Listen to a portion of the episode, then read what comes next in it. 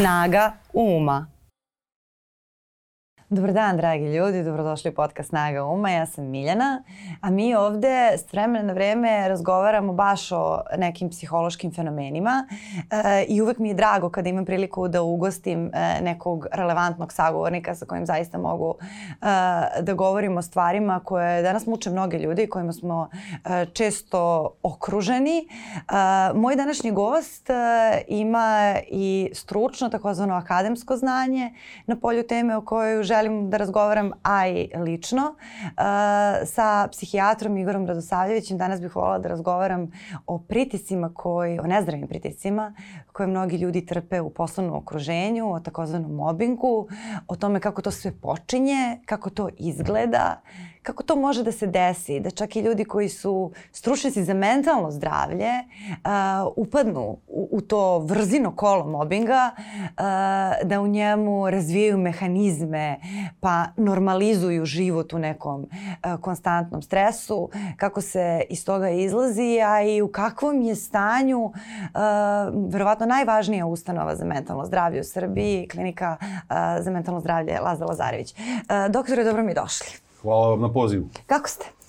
Trenutno dobro. To je dobro. Ja sam rekla ovaj, da, da se radujem da vodimo jedan uh, razgovor bez tenzije jer znam šta znači život uh, u mobingu na poslu i do koje mere je tenzija nekako deo uh, svakodnevnog života. Pa bih voljela s vama sada, vi ste 15, 15 godina stručnjak za mentalno zdravlje kao psihijatar. Pa da kažemo, Tako od nešto. 2009. godine u psihijatriji, da. specijalista sam istini za volju nekih 8 godina. Uh, I sad vola bih da, da, da, ma, da se malo osvrnemo na vaš rad u bolnici uh, dr. Laza Lazarević kako bismo onda mogli da, da uđemo možda detaljnije u pitanje, u pitanje mobinga jer mobing nešto što se i dalje previše često dešava. Dešava se u državnim firmama, dešava se čak i u, u velikim sistemima uh, koji se trude da to nekako regulišu i da to ne sposobe, a i u malim uh, tim takozvanim porodičnim firmama često, e, pa mislim da će to biti jako dragoceno i zanimljivo e, za, za sve ljude koji nas slušaju ili gledaju. Dakle, kako je to izgledalo na početku kad ste vi došli da, da, da radite u bolnici? 2009. godine sam ja došao, pre toga sam radio u jednom malom domu zdravlja u Vojvodini, e, gde nisam se iskreno upoznao ni jednom trenutku sa pojmom mobinga, jer je iz mog ugla to sve nekako delovalo čak idilično ti odnosi, sestre, spremačice, lekari, sve to bila jedna velika lepa porodica i dobijem priliku da 2009. pređem u kliniku Laza Lazarević u jednu, u, iz mog ugla, instituciju jednog giganta srpske psihijatrije. To je zapravo osnovana 1861. sa neverovatno dugom tradicijom u ovoj, da kažemo, našoj zemlji, najstarija psihijatrijska ustanova na Balkanu o, znači njoj se i puno veruje jer je ovaj to ustanova koja zbrinjava najteže pacijente, koja zbrinjava pacijente koji moraju biti prisilno hospitalizovani zbog trenutnog neuvida u svoje stanje i opasnosti po sebe ili po druge. Znači, ustanova koja treba da ima i jednu veliku odgovornost u onome što radi. Jednu ozbiljnost i samim tim gradi jedno veliko poverenje u, u narodu, u, među svojim pacijentima i među jednom stvarno velikom populacijom. I ona je imala to poverenje. Ona Uvek. jeste... Prvi godina, mogu da kažem opet, da pričam iz svog nekog ugla, moj doživljaj je ovaj, da je sve to negde išlo glad. Postojala je ta jedna lepa atmosfera. E, atmosfera je iskusni psihijatri, tehničari, sestre, će vam reći šta leči u psihijatriji zapravo pacijente. Naravno, podrazumevaju se mnogi razgovori psihoterapijski, grupe psihoterapijske, lekovi, naravno, ovaj, od pacijenta do pacijenta. Sve se to podrazumeva, ali ta atmosfera, ta ležernost, humor između samih zaposlenih, negde jedna dobra volja koja tu vlada, to je ono što leči same pacijente, što im šalje neku implicitnu poruku, ma bit će sve ok, bit će sve u redu, opusti se malo. E, ovaj, to je godinama stvarno bilo tako. Nažalost, to negde nestaje sa e, inauguracijom aktuelne vede direktorke, mogu reći iz ovog nekog trenutka, nažalost, i dalje aktuelne, postoji taj jedan sled događaja, jedna kriza koja traje već mesecima u našoj ustanovi, naš štrajk koji je proglašen septembra prošle godine, gde faktički imamo jedan zahtev, e, momentalno razrešenje aktuelne VD direktorke, koji je potpisao ogroman broj zaposlenih. E, ta peticija se i dalje dopunjava, ovaj, potpisala je, da kažemo, ovaj, nadpolovična većina zaposlenih, u ovom trenutku ne mogu reći koji je to tačno broj, ali potpuno je jasno da e, ako bismo to mogli negde ovaj simbolički ukvalifikovati kao svojevrstan referendum, potpuno je jasno da su zaposleni masovno duboko nezadovoljni situacijom koja trenutno vlada u našoj ustanovi. E, kako to uh, sada izgleda u praksi? Uh, dakle, promenila se uprava, Uh, nije upravo sada se, ništa upravo novo. se nije promenila. Mislim, promenila se ovaj, čelna osoba, da kažem, uh, institucije, bolnice. I sada, uh, kako se vama dani menjaju?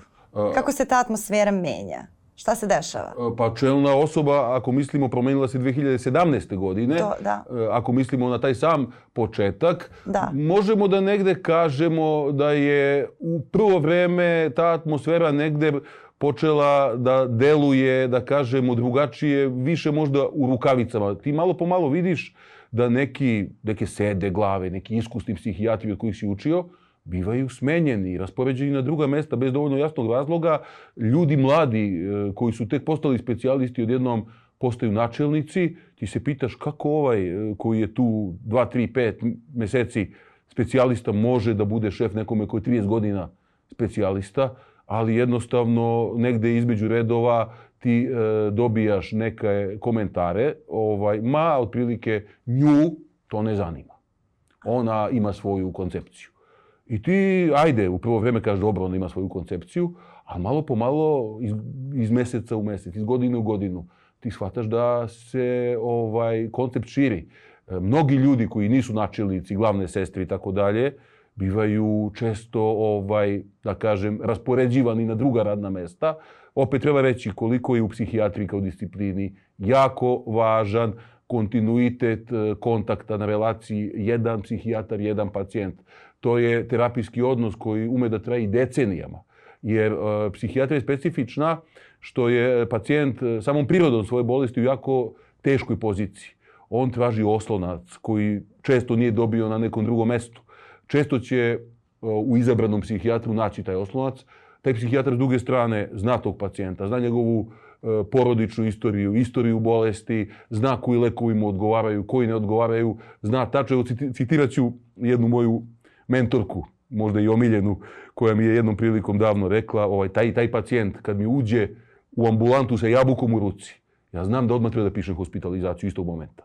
Do kojih nijansi ide to poznavanje. Jasno pacijenta i šta se dešava?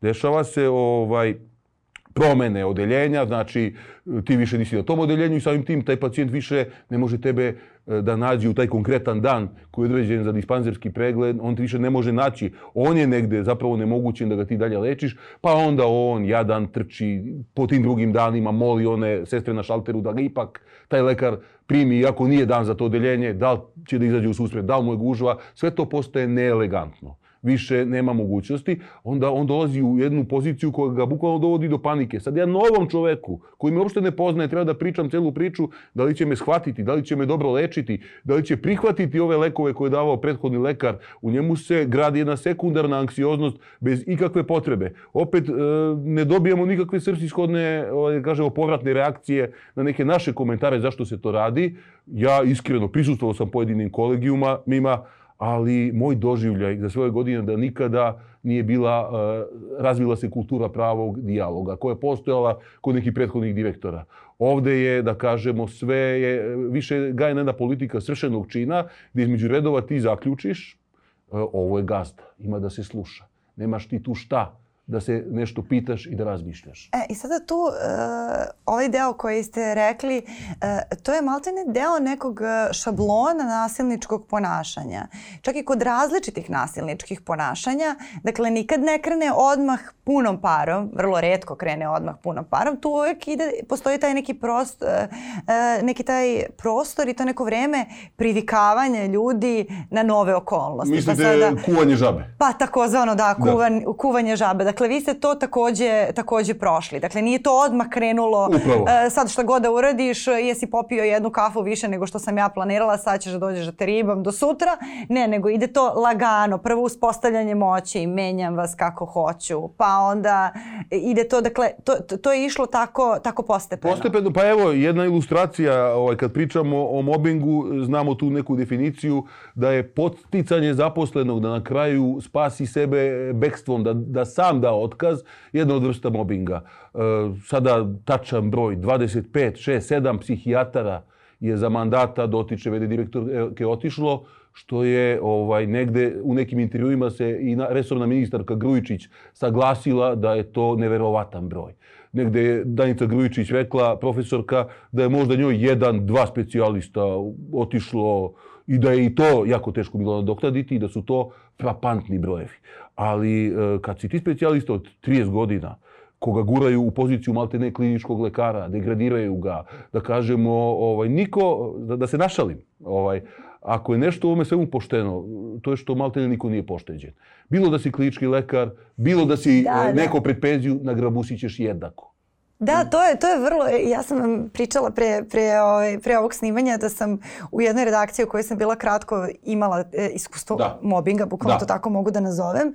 I to je vrlo, vrlo jedna specifična situacija koja očigledno potpuno različite ljude hvata na, malte ne, više manje isti način. Pa ista osoba ima iste načine. I, I kao da polako ulaziš u neko izmenjeno stanje svesti kog nisi svestan i uvek ima nešto za, zašto te drži kao ti znaš da treba da odeš, ne treba da budeš u tim okolnostima koji su potpuno ispod svakog ljudskog nivoa, na, o profesionalnom da ne govorim, ali opet sad ne znam, ja sam tad volela to neko izdanje koje sam radila, pa kao neću da im prepustim da tu naprave neki džumbus, tu s vama odnos prema pacijentima, to tek mogu da zamislim do koje mere kao neću ja da ostavim pacijente svoje koji mi, koji mi veruju u ovoj situaciji, da se tako blago izrazim. Um, ovaj, kako, kako je to onda izgledalo dalje? Kako ste se vi osjećali? Čovek, ba, koliko je dotična vede direktorka tu, to je skoro šest godina, raznih perioda je bilo i u raznim periodima se čovek osjeća na različite načine. E, da ne grešimo duše, bilo je perioda relativnog mira. A šta znači relativni mir? Znači da trenutno tebe niko ne dira. Ti čuješ otprilike sa tamo, ne znam, sa istočnog fronta čuješ da neko tamo ratuje, strada, ali tebi u pozadini tog fronta trenutno se ništa ne dešava. Ti si u toj nekoj istorijskoj fazi pušten da recimo radiš sa pacijentima. Ja sam recimo konkretno do pandemije bio raspoređen. Ali dobro i pacijenti čuju to što vi čujete da se neko dere ili da je, da je neko... Čuju ti konkretni možda pacijenti koji su tamo negde, recimo mi imamo dva sektora, Padinska skela i Beogradski deo. Ja sam godinama vezan za sektor Padinska skela.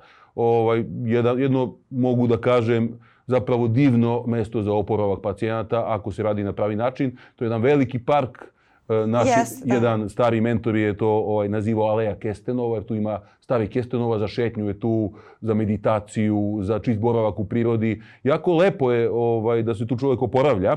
Ja sam imao moram da kažem privilegiju da do pandemije zaista budem u dnevnoj bolnici, pošto sam ja i psihoterapeut. To je meni bilo idealno mesto za rad, gde mogu da vodim psihoterapijske grupe, gde mogu da vodim individualne razgovore, gde možemo da se bavimo i sportom, da idemo petkom na u Ciganliju i uh, uz da kažemo neke sporadična dešavanja gde mi bude recimo vrlo grubo prebačeno što, ne znam, primljen pacijent koji ne bude, treba, iz recimo administrativnih razloga, neko iz Vojvodine primljena, nešto mi ne lečimo Vojvodinu, u što ja ne ulazim uopšte, ovaj, ok, nećemo primiti pacijenta iz Vojvodine i ovaj, eto. O... Ja, samo tu, tu, tu bih isto, zato što to, to je isto jedna zamka u koju često upadaju ljudi koji su u tim nezdravim uh, radnim okolnostima. Uh, dogodi se nešto što nije onako kako je neko ko je nadređen zamišljao da. sad. Ja mogu budem u pravu, može ta druga osoba da bude u pravu, ali se u nekom trenutku normalizuje da da tebe neko zlostavlja za svaki Postoji prestup. Postoji kultura dijaloga, može da se napravi stručni kolegijum, Da, diskusija. za nešto, za nešto zašto bi potpuno normalno bilo, kao, e kao, e izvini, možeš sad da, da skratiš tu kafu, da dođeš da mi pomogneš, nešto sam za, znači nešto što bi mogla da bude potpuno najobičnija. To se pretvori u što piješ kafu, što pušiš, što si ovo, što si ono, zašto si s ovim pacijentom tako, što ti ovaj... Znači, pretvori se u, u nešto potpuno nenormalno, a to čoveku, post, čo, čovek se postepeno na to navika. Pa evo ilustracija e, starijih kolega, da od mojih mentora opet je bio pre možda godinu, godinu i po dana u neprijatnoj situaciji, jer postoje ljudi, ovaj, da li da ih nazovemo špijunima, ne znam. Jeste, da, to jeste, to, to, to je isto, ja mislim da to nuspojava. Da li da ih nazovemo supozitorijama, dupe uvlakama, ne znam i sam koju reč da upotrebim. Postoje ljudi, lider, nazovimo ga lider, ne može sam. On bira strukturu ljudi poltrona koji tu budu okolo i oni vrlo verovatno, za neke mi je jasnije, za neke manje, za neke mi uopšte nije jasno šta dobijaju time, a recimo da su to ti neki poltroni i oni dojavljuju, dojavljuju recimo ne znam, da je stariji kolega imao neku, recimo kod konkretnog pacijenta, ideju sa nekim lekom. Da nešto pokuša i da vidi kako će biti. E, za taj konkretan lek, recimo da direktorka ima stav da to ne sme nikako da se daje, I, ali ovaj, nema nigde nikakvog zakona pisano koji kaže taj lek ne sme se daje. O, ja sam viđao te neke kombinacije koje kolega pokušava na milion i jednom mestu, recimo toku specijalizaciju u raznim ustanovama, pa i u našoj ustanovi prenjenog mandata, ali ona je zamislila da iz svog nekog ugla se e, moderno, jel tako, leče pacijenti. Kolega znači nema pravo da zamisli da je za to konkretnog pacijenta možda neka uh, farmakološka kombinacija relevantna, on mora da piše izjavu, mora 300 čuda nekih da prođe toplih zečeva, zato što je izvestan jedan, to čak nije ni kreativni pristup to je legitimna kombinacija ta neka, da sad ne ulazim u detalje koje on Zato što remeti kombinaciju direktorke u stvari. Remeti njenu ideju o lečenju. Pričamo ona tog pacijenta, koliko razumem, nije ni lečila. Ona ga je možda videla Dobro, kasnije. da, nije. To što bi rekla jedna naša ministarka, neka moja šema nebitno. neka moja šema nebitno. da, pa nije da, nebitno, da. zato što ovaj, taj, taj čovjek je e, specijalista koji će za neku godinu ići u penziju. Ima ogromno iskustvo, e, zna šta radi. On nije neuračunljiv. Ona ga svojim postupkom, malte ne između redova, pa i ne samo između redova, proglašava neuračunljivim. Druga priča je, ovaj, da, ja sam u dnevnoj bolnici radio do covid -a. onda se ukida moja dnevna bolnica u Padinskoj skeli gde sam radio, kao privremeno. Danas je e, pandemija malo relaksirana, koliko ja znam. E, sve su dnevne bolnice na teritoriji grada Beograda, psihijatrijske, revitalizovane, počele da rade naša u Padinskoj skeli bez ikakvog posebnog obrazloženja nikad nije vraćena u rad desetine pacijenata su bukvalno živele, e, smisao života im je bila, da kažemo, te aktivnosti u dnevnoj bolnici Skela. Ko razmišlja o njima? Koga briga? E sad, e, da li ovaj, možete da pokušate da napravite otklon, ali znam da je to jako teško, čak, čak i za ljude koji, koji su stručnjaci na polju mentalnog zdravlja kada se nalaze u toj situaciji, a vi se činjenica nalazite i dalje u situaciji mobinga i to treba da prođe neko vreme da mi čovek se... Mi se nalazimo u nadrealnoj situaciji. Da, to treba stvarno neko, neko vrijeme da čovjek prođe da bi ponovo mogao malo da se, da se vrati sebi. Um, ja vama zahvaljujem i na vašem primjeru kako ste... On, da, kako, da. Kako je i vama trebalo da, neko vreme. Da, ajde sada kao digresije da bi, da. da bi gledalci slušalci znali o čemu govorim. Ja sam baš uh, ovaj, vam rekla pre toga da kada sam izašla iz te redakcije uh, koja je imala prosto takvu radnu klimu, sam prešla u redakciju nedeljnika koji je najdivnije jedno radno okruženje na svetu i da sam, da meni tek posle recimo došlo do, do mozga da ja na ko, prva 3-4 meseca na kolegijumima sam više manje čutala da sam ja sve svoje teme koje predlažem jer u slobodnim medijima novinari sami predlažu teme inače sve teme kao ja nešto ili pre kolegijuma sa urednikom i to ne sad samo jednim, jer to su sve ljudi koji su meni podjednako dragi, sa kojima sam ja podjednako, uh, ali e, prosto taj govor, ja sam imala neku blokadu, neku nelagodnost. Kao da neki ja grč. govorim, da, kao neki grč, da ja govorim u grupi od pet ljudi koji su mi, mislim, naj, najopuštenije kolege sa jednim maksimalnim uvažavanjem i oni prema meni i ja prema njima. Uh, kao da se pitaš da li to moguće. Da, i, i to je baš bio taj jedan period kada su i moje koleginice iz kolege iz bivše firme podnele tužbu e, i dobile tužbu za mobbing, e, u kojoj ja nisam učestvovala iz nekog razloga nešto se tiče stava, nego valjda sam nešto zakasnila ili nema pojma nija šta, šta, šta je to sada bilo. Ali meni je tek kao skoro i baš sam rekla kao urednicima, kao ja ladna sam bila, kao ma ne, čini ti se, ti si bila super. A oni kao računaju svako ima neku, neku svoju čvrku, kao neće ošte da ne ulaze u te analize. Ali to stvarno jeste kao neki posttraumatski sindrom možete da imate u komunikaciji jer vi naviknete, e, razvijete naviku da se pravdate. Za, za sve što je vaš posao, za što ste školovali. Zlostavljanje ostavlja tragove. Jeste, jer kao, kao da zaboraviš, ne znam, vi ste, vi primate platu, zaposleni ste da, da koristite svoje znanje i da ga primenjujete. Ja sam zaposlena da, ne znam, koristim svoje znanje i da donosim odluke o tome što, o čemu treba da pišem a o čemu ne treba i, i kao nije moj posao da se ja sada pravdam u startu, a to tačno te dovede do te tačke. Zlostavljač bukvalno ima tu neku predispoziciju da tebe u nekom trenutku bukvalno pred samim sobom ti budeš doveden u pitanje. Da li ja znam? Da li ja vredim? Na kraju možeš razviti depresivnu i anksioznu kliničku sliku. Ovaj, možda zaista ja ne vredim ništa, možda ja zaista grešim. I možda ja zaista treba da odustanem. Možda je u redu da odem. Ovaj, to je sada, da kažemo, mi smo možda fokusirani na ovu našu priču u našoj klinici, ali pri tome smo savršeno svesni, evo i vi pomažete vašom pričom, koliko je mobbing jedna ono epidemijski rasprostranjena pojava. Što smo u neformalnom razgovoru rekli da se našalimo, a i nije šala. Ja verujem da mnoge beogradske advokatske kancelarije sasvim lepo žive samo na temu mobinga. Ubeđen sam u to, koliko je to rasprostranjeno. Ja se nadam da su ljudi počeli da dobijaju te tužbe. Ali to je tačno e, ka, kao neka navika i vi, na, vi onda naviknete i pravdate se svima za sve. Ja sam baš, slušam vas kod Kesića kako govorite i sad maltene svaki svoj stav imate potrebu da opravdate kod Kesića koji vas, mislim, Kad biste vi bili... Nema potrebe da se, ali to, to, to je tačno navika koju sam prepoznala i kod, i kod sebe. Mi u našoj ustanovi mm. zaista u zadnjih pet godina moramo sve da obrazložimo, sve da objasnimo i da se tresemo da li smo dobro odgovorili na pitanje, da li ćemo biti pomilovani ili ošamareni mi moramo ovaj sve detaljno da kažemo šta i kako i ovaj negde opet među kolegama kad pričamo valjda smo prošli ispod radara. Valjda ovo niko nije pogledao. Ne zato što smo nešto loše napisali, svi mi znamo svoj posao, nego zato što nekom tamo će se ovaj možda se to neće dopasti, a onda si nagrabusio. I onda ljudi prave strategije kako da rade svoj posao dobro,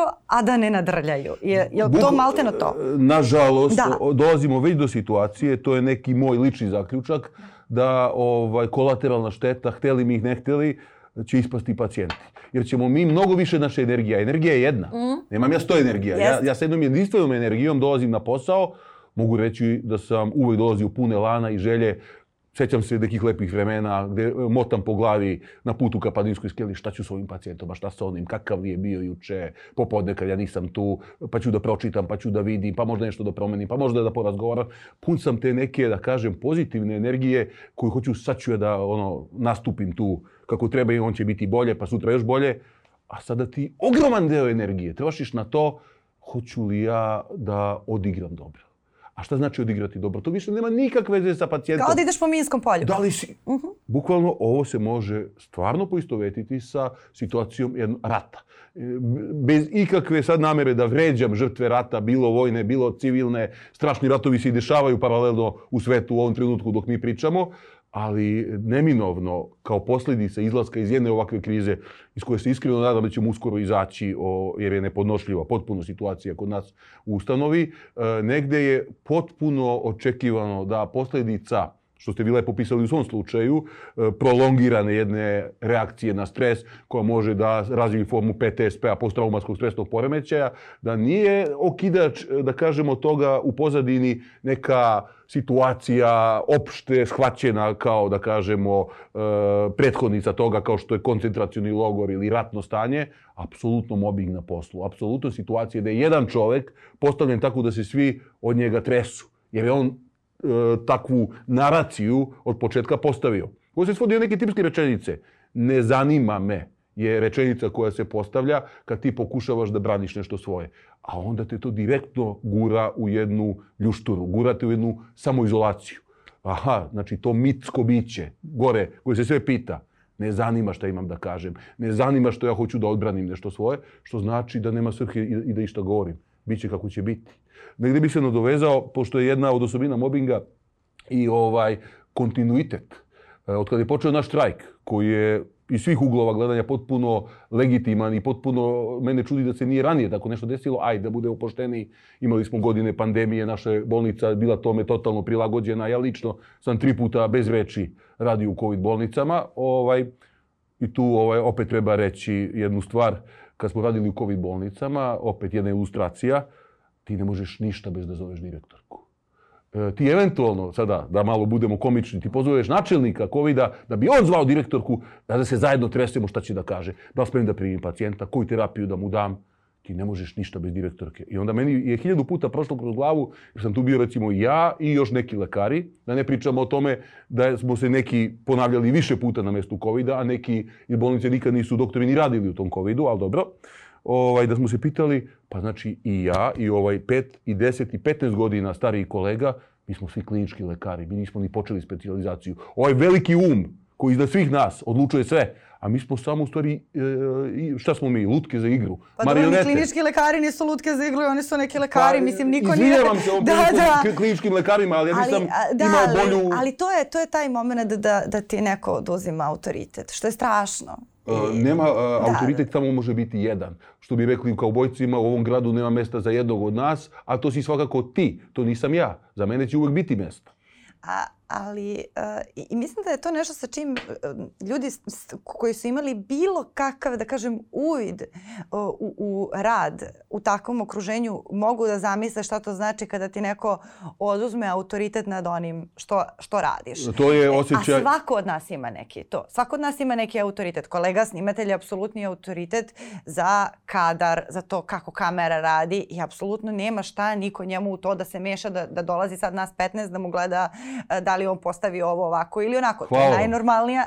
To je kao, ali, e, znači svako od nas je plaćen da bude autoritet za nešto, za šta god. Vi ste divno ilustrovali kako ispravno i zdravo stvari treba da funkcionišu i zato sam ja uvek, i u Domu zdravlja gde sam radio prethodno i ulazi, bio pun poštovanja za servirku, za spremačicu, za sestru, za tehničara, za vozača, za defektologa, e, za socijalnog radnika, psihologa, psihijatra, za Da ne pričam za pacijenta, pacijent je svetinja.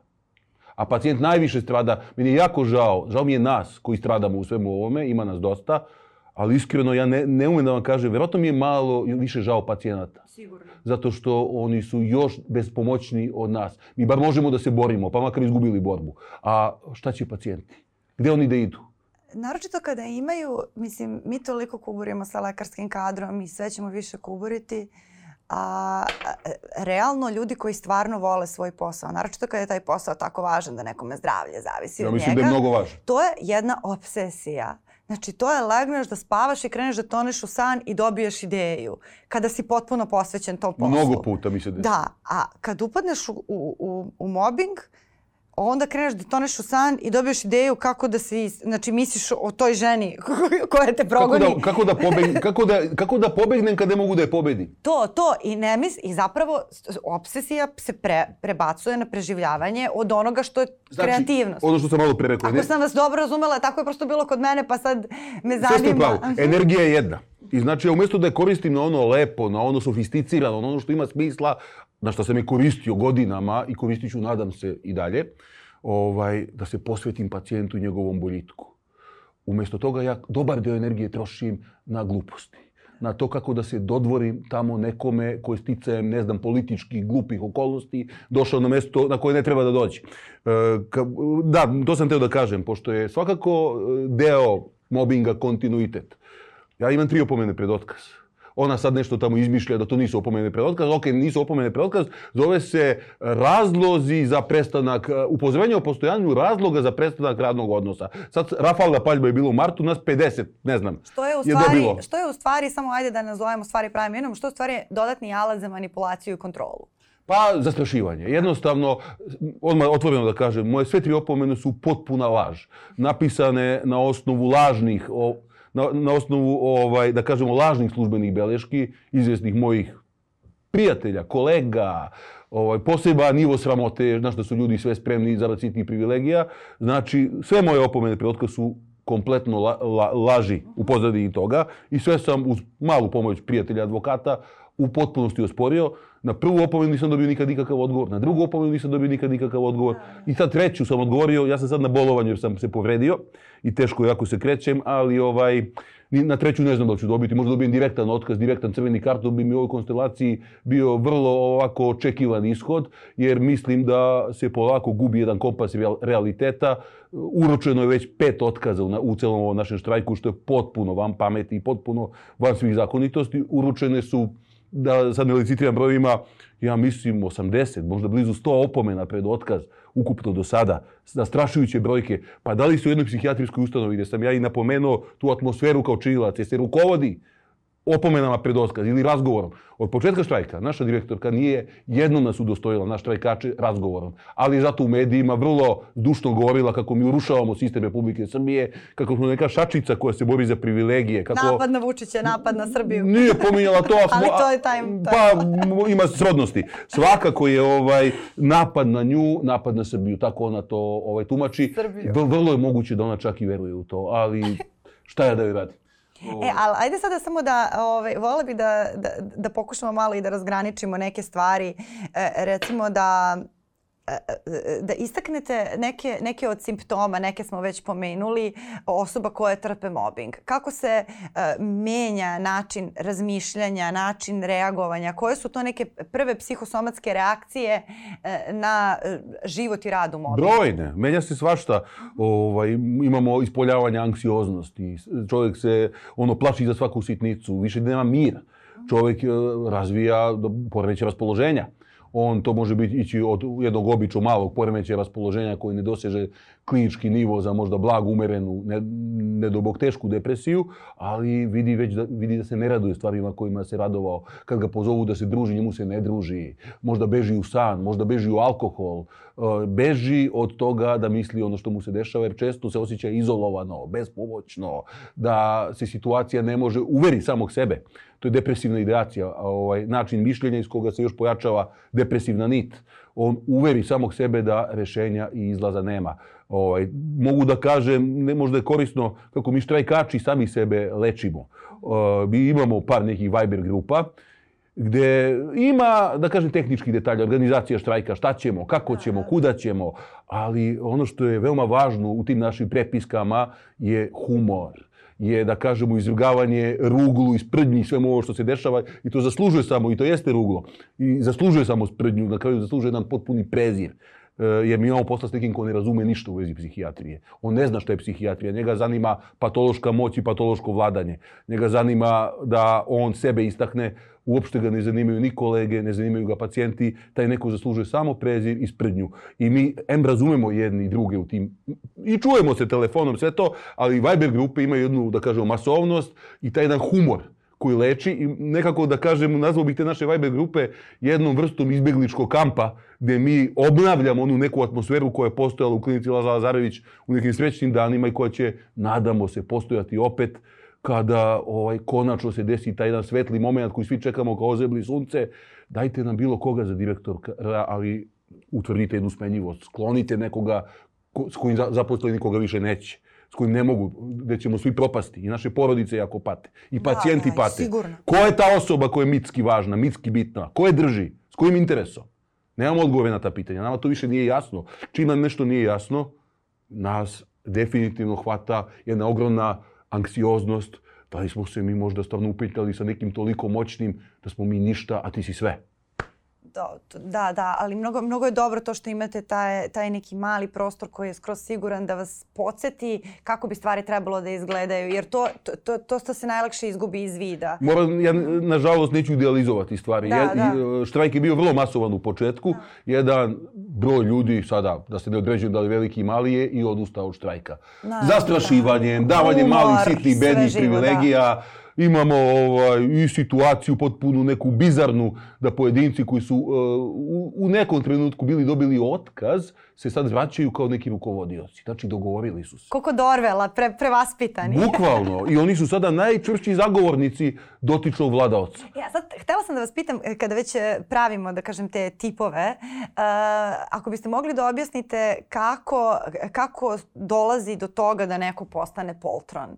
To, to je isto ono što sam vam rekla, da meni nije jasno kako se to dešava u, u krugovima ljudi koji su vrlo školovani, koji imaju neko znanje koje je vrlo naplativo, koji nemaju nikakvog realnog e, egzistencijalnog razloga, ništa nisu na kvarno dobili, da kažem, ajde sad kao neko ko nije završio školu pa se zaposli kao neko bitan u mesnoj zajednici pa njemu to sad sve na svetu, ali kao vi ste ipak stručni, imate neki put za usavršavanje, kao kako ljudi postanu poltroni koji recimo ranije nisu bili u takvim Možda okolnostima. Ima, ako ovaj, ste volili da čitate strip Alan Ford, ja sam mnogo voleo, ima ona jedna epizoda gde velik, kod veliko, velikog naučnika dolazi kriminalac da ga podmiti za neku formulu sa par miliona dolara. I kaže, vi me mislite podmititi sa par miliona dolara? A ovaj kaže, pa da, tako nekako. I onda ga ovaj naučnik mu se baca u zagrljaj i kaže, hvala ti, mili moj, hvala ti, ovaj, počne da ga ljubi. I kaže, znaš kako, ja sam od uvek bio jako podmitljiv, ali nikad nije bilo nikoga da me podmiti. Možda je to deo odgovora na to, to pitanje. Odgovor. Jednostavno ljudi dođu, što se kaže ono starinsko, daj mu vlast pa da vidiš kakav je. Čuči u ljudima jedna velika slojevitost. Jeste. Jeste, to tačno. A e, sad, kako ste rekli, daj mu vlast pa da vidiš e, kakav je. Kako, kako ljudi postanu moberi? Kako ja mislim postanu... da niko ništa ne postane. To, da, o, kako? Postoji jedna, da kažemo, oblast koju možda i mi psihijatri u našoj djelatnosti ne primenjujemo dovoljno kad lečimo pacijente, a to je anamneza razvoja ličnosti. Znači i odrastanja, i detinjstva, i okolosti tog odrastanja. Možda genetski, možda porodično, pod uticajem sredine, a možda kombinatorno, ovaj, neko razvije poremeće ličnosti. Postane takozvana ta nasilnička ličnost i sad da li će to nasilje da manifestuje? Pa, nasilje je jedan, da kažemo, jedan od svojevrsnih ponašanja nekih ovaj, poremećaja ličnosti. Recimo, narcistična ličnost je jako interesantna, jer narcistični poremećaj ličnosti, kad ja hoću to lepo da objasnim, kažem, on je super dok mu ti sve povlađuješ, dok ga hvališ, dok mu govoriš da je divan i najbolji, ma najbolji da će ti sve. Samo prestani. Ne moraš ti da ga napadneš otvoreno, prekini, distanciraj se. Vrlo će se lako pretvoriti u neprijatelja, jer kreće sumnja, zašto me ne hvali više. Drugi ljudi postoje samo zarad pohvala ne postoje zarad nečeg drugog, oni su više kulise tog jednog nesigurnog, da ne kaže sveta na ivici postojanja. Jer e, ta jedna, narcisi su često pompezni, to su lepe žene, negovani muškarci, ali to je e, jedna, da kažem, punoća koja prikriva često vrišteću prazninu. To je kao bunar bez dna u koji stalno moraš da ubacuješ pohvale i nikada kraja nema. Vrlo jedan poremećaj, da kažemo, ovaj nezgodan i rukovodioci su često iz tih redova. A drugi poremećaj koji se često kombinuje sa prethodno navedenim narcističnim je bio antisocijalni poremećaj. Često ćete ga vidjeti u navijačkim grupama, huligani koji pribijaju jedni druge štanglama, dileri droge, koliko kažu, možda i 80% zatvorskog stanovništva da pripada antisocijalnim poremećajima. Znači, hladni, bezobzirni, umeju da uživaju u tuđoj patnji, lišeni empatije. E, nezgodno je jako kad jedan ne mali procenat rukovodilaca u našim bilo privatnim, bilo državnim ustanovama, e, da kažemo, ima ili crte takvih ličnosti ili čak doseže, što kažemo, nivo strukturisanog poremećaja, da već bi mogao po nekoj dobiti možda dijagnozu neke od to je ve, to veliko pitanje koji je procena takvih ličnosti u političkom vrhu, ne samo Srbije, nego Jedan generalno ako ćemo... u politici, da, koji je procenat takvih ljudi. I jer se čini da takvi ljudi imaju najbolje prolaz, prosto da je politika takvo, takva teritorija na kojoj, koja jede ljude koji imaju osetljivost tamo gde je ovi nemaju. Sada da citiram e, dvoje starih kolega, jer su im vrlo izjave, da kažemo negde možda komplementarne, e, vrlo e, jedna je koleginica koju vrlo cenim, ona je možda malo mlađa, rekla ja sam jako fina osoba, ali sam morala i nabildovati svoju psihopatiju da bih opstala. To je jedna izjava, a, a druga izjava jednog starog kolege, koji nažalost više nije među živima, je pa 7% psihopata, jer stari, starinski izraz poremeća ličnosti, možda da, iz današnjeg ugla nekorektan je psihopata, nekad je to bio stručni izraz, sad kažemo poremeća ličnosti, to je valjda fino. Ovaj, e, e, kaže, 7% je psihopata u populacijama u principu, a u Srbiji je to 20%. Eto, čisto kao malo, malo da kažemo tako. Dobro, da, to, to, to ima sad svoje razloge, to bi mogla da bude zasebna, zasebna epizoda Verovatno. zbog čega je to tako sa... Ovaj, Možda neki sociolog da bude gost. Da, da, mo, mo, mogu bi, a to je, to, to je isto zanimljiva, uh, jako, uh, jako tema u stvari. I sada kako, um, kako se, kako se sada nositi sa tim? Vi sve to, sve to znate, ali sama činjenica da Dakle, svi ljudi koji, koji, koji rade u toj bolnici znaju ove stvari, znali su ove stvari. Naravno da znaju, delimo da. se na one koji se prave ludi i koji se ne prave ludi. ovaj, sad ste me nasmijali stvarno. Drago mi. Što, što da budemo smrtno ozbiljni. da, sad ste me nasmijali stvarno, ali e, možda je stvarno e, taj slučaj sa, sa Lazom Lazarevićem dokaz da ljudi nisu krivi. Da ljudi, ni, da, da to nešto što se ne može sprečiti. Jer kao, ako vi to niste mogli da, da sprečite, onda to zaista ne mogu ni oni koji nisu svoj život posvetili mentalnom zdravlju, razume, razumevanju svih ovih poremećaja. Hvala vam na ome, jer vaša je, upravo ste pravu stav napomenuli, ovaj, kad je nama, koji po nešto i znamo o ljudskoj duši i tim mehanizmima, ja lično mislim da je u ljudskoj duši uh, jako teško išta znati. Da. Jer je u pitanju, uh, ponekad mislim da je svaka duša koja je jedan zaseban svemir. Da. Koliko je kompleksna, nedokučiva, unikatna, I znači mi smo nešto čitali, po nešto o tome znamo, ovaj, po tim i fiziološkim i patološkim mehanizmima i nama je jako teško. Mi smo, ovaj, ja sam gostovao tu nekim emisijama ovaj, sticam okolnosti u zadnje vreme. Često sam pričao o našem jednom očajanju i zaista mislim da nisam preterao. Jer e, mi negde smo obrazložili šta se kod nas dešava, E, resorna ministarka izrazila razumevanje, proučila dokumentaciju koja je data i zaključila da dotičnu našu treba smeniti VD direktorku i od tog momenta skoro pola godine se ne dešava ništa. A više puta ministarka u nakladnim intervjuima kaže jeste, treba da se smeni, ali ja sam svoje rekla, sad se pita vlada, sad se pita kadrovska komisija. Pa čekaj, bre, ti si deo vlade. Šta znači pita se vlada? Ti si svoje rekla, smene nema. Onda čovek neminovno kreće da razmišlja o postojanju nadprirodnih bića koja, koji ima ni zakon, ni ministarstvo, koji ne može ništa. A ko sam ja, jadan, bedan i nikakav, da se suprostavljam nad prirodnim bićima? Pa ja nemam nikakve šanse. Pa naravno da te hvata očajanje. Znači, mi smo psihijatri, sestre, tehničari koji znaju psihijatriju u malom prstu, koji žive e, odavno sa tom psihijatrijom. I kada mi ne možemo da izađemo na kraj sa jednim ovakvim mobbingom, šta stvarno očekivati od nekoga ko ne zna ništa iz psihologije, ko ne zna ništa iz psihijatrije, ko ne zna ništa o e, psihološkim, da kažemo, zdravim i patološkim mehanizmima, kako to sve izgleda. Ovaj, mi možemo samo dati preporuku da taj neko ne bi trebao da sebe uvede u poziciju skroz skuvane žabe, nego da neku odluku donese ili da se preko sindikata, ako postoji mogućnost, organizuje. Da, sad svaki slučaj je za sebe, ali prosto za početak samo to imenovanje činjenice da si u situaciji koja je neizdrživa i neodrživa Očito je već... si mobbingovan. Da. I ako se nešto ponavlja, ako je nešto izuzetno neprijatno, a ako se dešava, boga mi, može da bude naravno mobbing i nad jednim čovekom. Često je to masovno. Evo imamo primjer onaj stalno zaboravljen da pozdravim kolegu iz Doma zdravlja Zemun koji je štrajkovao glađu jedan jedini. Koliko je njemu tek bilo teško pre jedno možda devet meseci, godinu dana, ovaj, protiv njihove direktorke, nikomu se nije pridružio, nikoga nije podržao i na kraju da ne bi umro i odustao, ali onda je on nas svi srce podržao u našem štrajku. I, I samo htela sam da se ostane na još jedan važan aspekt mobinga kog se nismo dotakli, a to su te somatske posledice. E, mislim, ono što recimo ja znam jeste da je nekim koleginicama za nekoliko meseci, ono što kažemo, otišla štitna žleza, da su dobile neke probleme koje, koje nisu imale. Da, prosto čisto da istaknemo kad kažemo da je neka situacija neodrživa, to znači stvarno da je neodrživa. Ako je vi ne rešite, vaš organizam će rešiti umesto vas, malte ne. Ja ću odgovorim na neki svoj način.